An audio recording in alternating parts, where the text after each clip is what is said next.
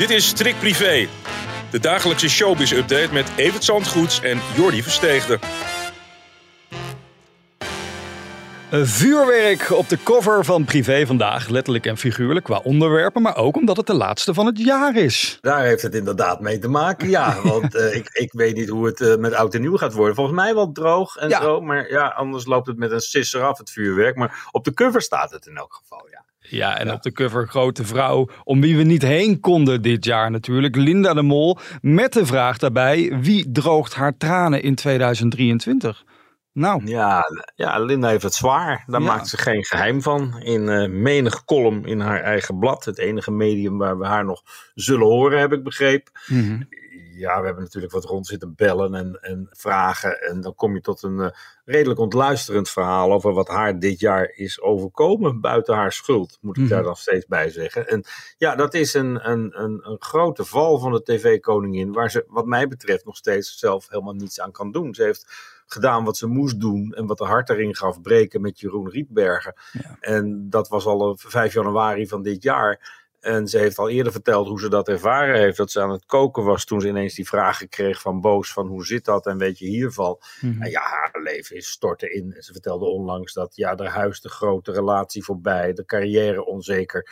En dat moet allemaal weer ten goede keren in 2023. Ja. Maar dit jaar is niet het jaar van Linda, zoals je weet. En ja, zij komt van, van, uit een hele diepe put eh, gekropen.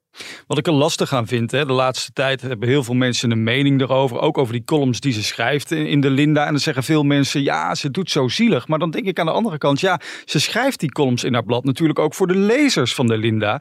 En ik kan me zo voorstellen dat zij gewoon willen weten hoe het met haar gaat. Dus ik vind die kritiek dan onterecht. Bo- Bovendien, ze moet niet zeuren, ze, ze heeft genoeg. Ja, daar gaat het toch niet om. Het Nee. gaat toch dat je je hele leven, 40 jaar lang, gewerkt hebt voor iets. Je staat op eenzame hoogte in televisieland en je maakt een ontzettende val, een tuimeling, buiten je schuld om. Gewoon omdat je verliefd bent op een man die er een dubbelleven op nahield. Ja. En ja, of ze daar nou zo op afgerekend moet worden, ik waag dat te betwijfelen. Ik vind het zelfs van niet. Ja, ze wilde heel snel naar 2023. Na de kerst heeft ze geloof ik met haar kinderen gevierd. Hè? En met, met John natuurlijk, John de Mol. Over die tv-plannen tot slot nog over Linda. Hè? Weet jij daar iets van af? Wat gaat ze volgend jaar doen? Want ze doen daar volgens mij een beetje geheimzinnig over bij Talpa, heb ik het idee. Ik denk dat er weinig echt concrete plannen zijn. Er kwam nog bij dat die serie natuurlijk niet het succes wordt waar ze zich eh, op verheugd had. Nee. Dat had de comeback wat gemakkelijker gemaakt. Ze voelt zich enorm in haar element met die koffertjes. Miljoenenjacht is een prachtig format, wereldwijd verkocht ook weer. En eh, ik denk dat ze dat blijft doen. En programma's waar ze zich redelijk wel in kan voelen. Maar ook haar interviewsprogramma's zijn op de lange baan geschoven. En ik denk eerlijk gezegd dat zolang de zaak Rietbergen loopt, Mhm. dat dat ook nog wel even zo zou blijven. Voor wie het ook een eh, moeilijk jaar was eh, afgelopen jaar, was voor Frans Bauer en Mariska. Want ja, ze kregen te maken met een groot drama natuurlijk begin eh, dit ja, jaar. ook al begin van het jaar kreeg zij een herseninfarct. En Ja. ze is nog steeds niet te oude. Ze is weliswaar voor tientallen procenten beter dan in het begin. Toen ze anderhalf uur per dag wakker was en de rest van de dag sliep. Mhm. Ja, het is een enorme klap geweest voor Frans en Mariska. Twee mensen die ongelooflijk veel van elkaar houden. En van wie het leven ineens volledig op zijn kop stond. Ja. Door iets wat je totaal niet ziet aankomen. Ze heeft daar een eh, prachtig interview over gegeven. Dat lees je deze week in privé. En dat maakt wel duidelijk eh, hoe hun levens veranderd zijn. En ook haar leven vooral veranderd is. Omdat de kans dat ze weer helemaal de oude Mariska wordt heel erg klein is. En Frans die wilde zelfs eventueel zijn carrière opgeven om voor haar te zorgen. Dat zegt ook wel Ja. iets. Ja, Nou ja, dat zegt wat over hun liefde en hun gevoelens voor elkaar. Ze waren heel jong toen ze elkaar leerden kennen. Mhm. En eh, ja, die liefde is zeer intens met die vier jongens in dat huis daar, wat hen het helemaal verbouwd is. Ja. Eh, eh, je mag hopen dat het zo goed mogelijk goed komt.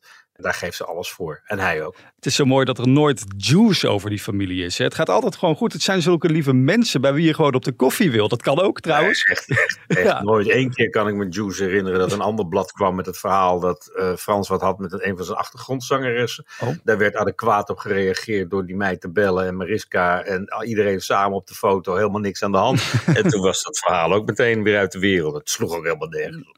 Zouden ze nog ooit een nieuwe real life soap willen, denk je?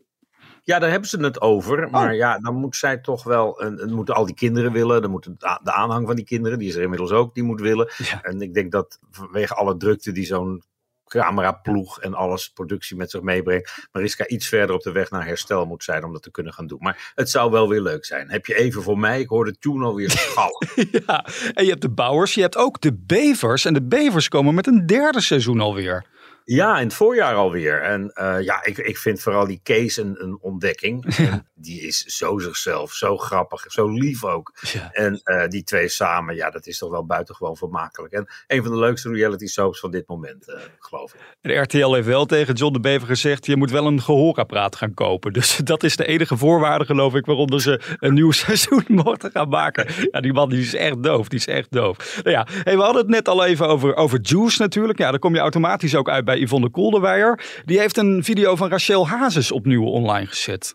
Ja, wel stoer. Ze heeft eerder van een brief gehad van een advocaat dat als je die niet offline haalt, dan gaan we in kort geding. Nou, als de advocaat A zegt, dan moet hij nu ook B zeggen, want de video staat er gewoon weer op. Ja. En dan mag uh, Rachel uh, gaan aantonen dat zij, ja, dat hoeft ze dan niet echt niet, hè, dat zij die brief niet gelekt heeft. Hmm. Maar dan moet Yvonne aantonen dat zij hem wel gelekt heeft. En dat kan nog redelijk uh, smeugen worden. Want hoezeer ben jij ervan overtuigd dat het echt hommeles is tussen Rachel en André op dit moment? Ah, dat zag je met de kerst. Hè? Dat, ja. dat Rachel met vrienden uh, kerst zit te vieren en, en, niet met de familie. En uh, het opvallende is dat ze nu met allebei de kinderen ruzie heeft. En dat is nog niet eerder voorgekomen. Het was altijd net een weerhuisje. Als de een erin ging, dan ging de ander eruit. En uh, nu staat het weerhuisje met, met beide poppetjes binnen, buiten. Want ja, ze heeft met geen, geen van beide contact op dit moment. Voor zover wij kunnen nagaan in ieder geval. En we weten een hoop hoor. Ja, precies, precies. Tot slot vandaag. Het is een trieste dag voor de familie van, van Han Pekel. Er wordt afscheid genomen van hem. Ja, vandaag in Blariken, morgen in dat uh, prachtige beeld en geluid in Hilversum. De kist ligt daar opgebaard. Die is eind vorige week naar Nederland gekomen vanaf Bali. Mm -hmm. er is uh, volop gelegenheid om afscheid te nemen. Dat zullen een hoop mensen gaan doen, want Han Pekel was erg geliefd in, in Hilversum. Ja. Zoals je ook kan zien aan de line-up van zijn programma TV Monument. Als die mensen allemaal langskomen, dan is het een komen en gaan van grote sterren, grote namen. Ja. En dat verdient hij ook wel. Morgen is de laatste kans om dat te doen. 's Ochtends in beeld en geluid dus. En aansluitend zal hij worden bijgezet in het familiegraf. En daar is dan verder geen pers of verder niemand bij. Dat gebeurt in intieme familiekring. Zelf heeft hij in het programma De Kist, waar jij trouwens ook ooit in te gast was, heeft hij gezegd: Mijn afscheid moet een feestje worden. Dus uh, nou ja, laten we hopen dat het in ieder geval een mooi, waardig afscheid gaat worden. Maar zoals jij gezegd, gaat dat uh, ongetwijfeld lukken. Ja, ik vind altijd, het is, het is mooi gezegd en makkelijk gezegd. En op het moment dat het zover is en je ziet die kist, dan heb ik nooit zo de behoefte gehad aan een feestje. Hoewel ik vaak genoeg dronken ben geworden na afloop van de begrafenis. maar dat is onze Brabantse aard. Ja, precies. Nou ja, misschien in plaats van cake, bitterballen, dat, dat helpt ook uh, wel. De beetje. kroeg zit naast de kerk, dus uh, het zal wel goed komen. Han Pekel. Wij zijn er weer doorheen voor deze privé-day, want het is gewoon woensdag. Het is een beetje een gekke week. Het voelt als een dinsdag, maar ach, hè? We slaan ons er wel doorheen. We hollen naar de winkel. Tot morgen.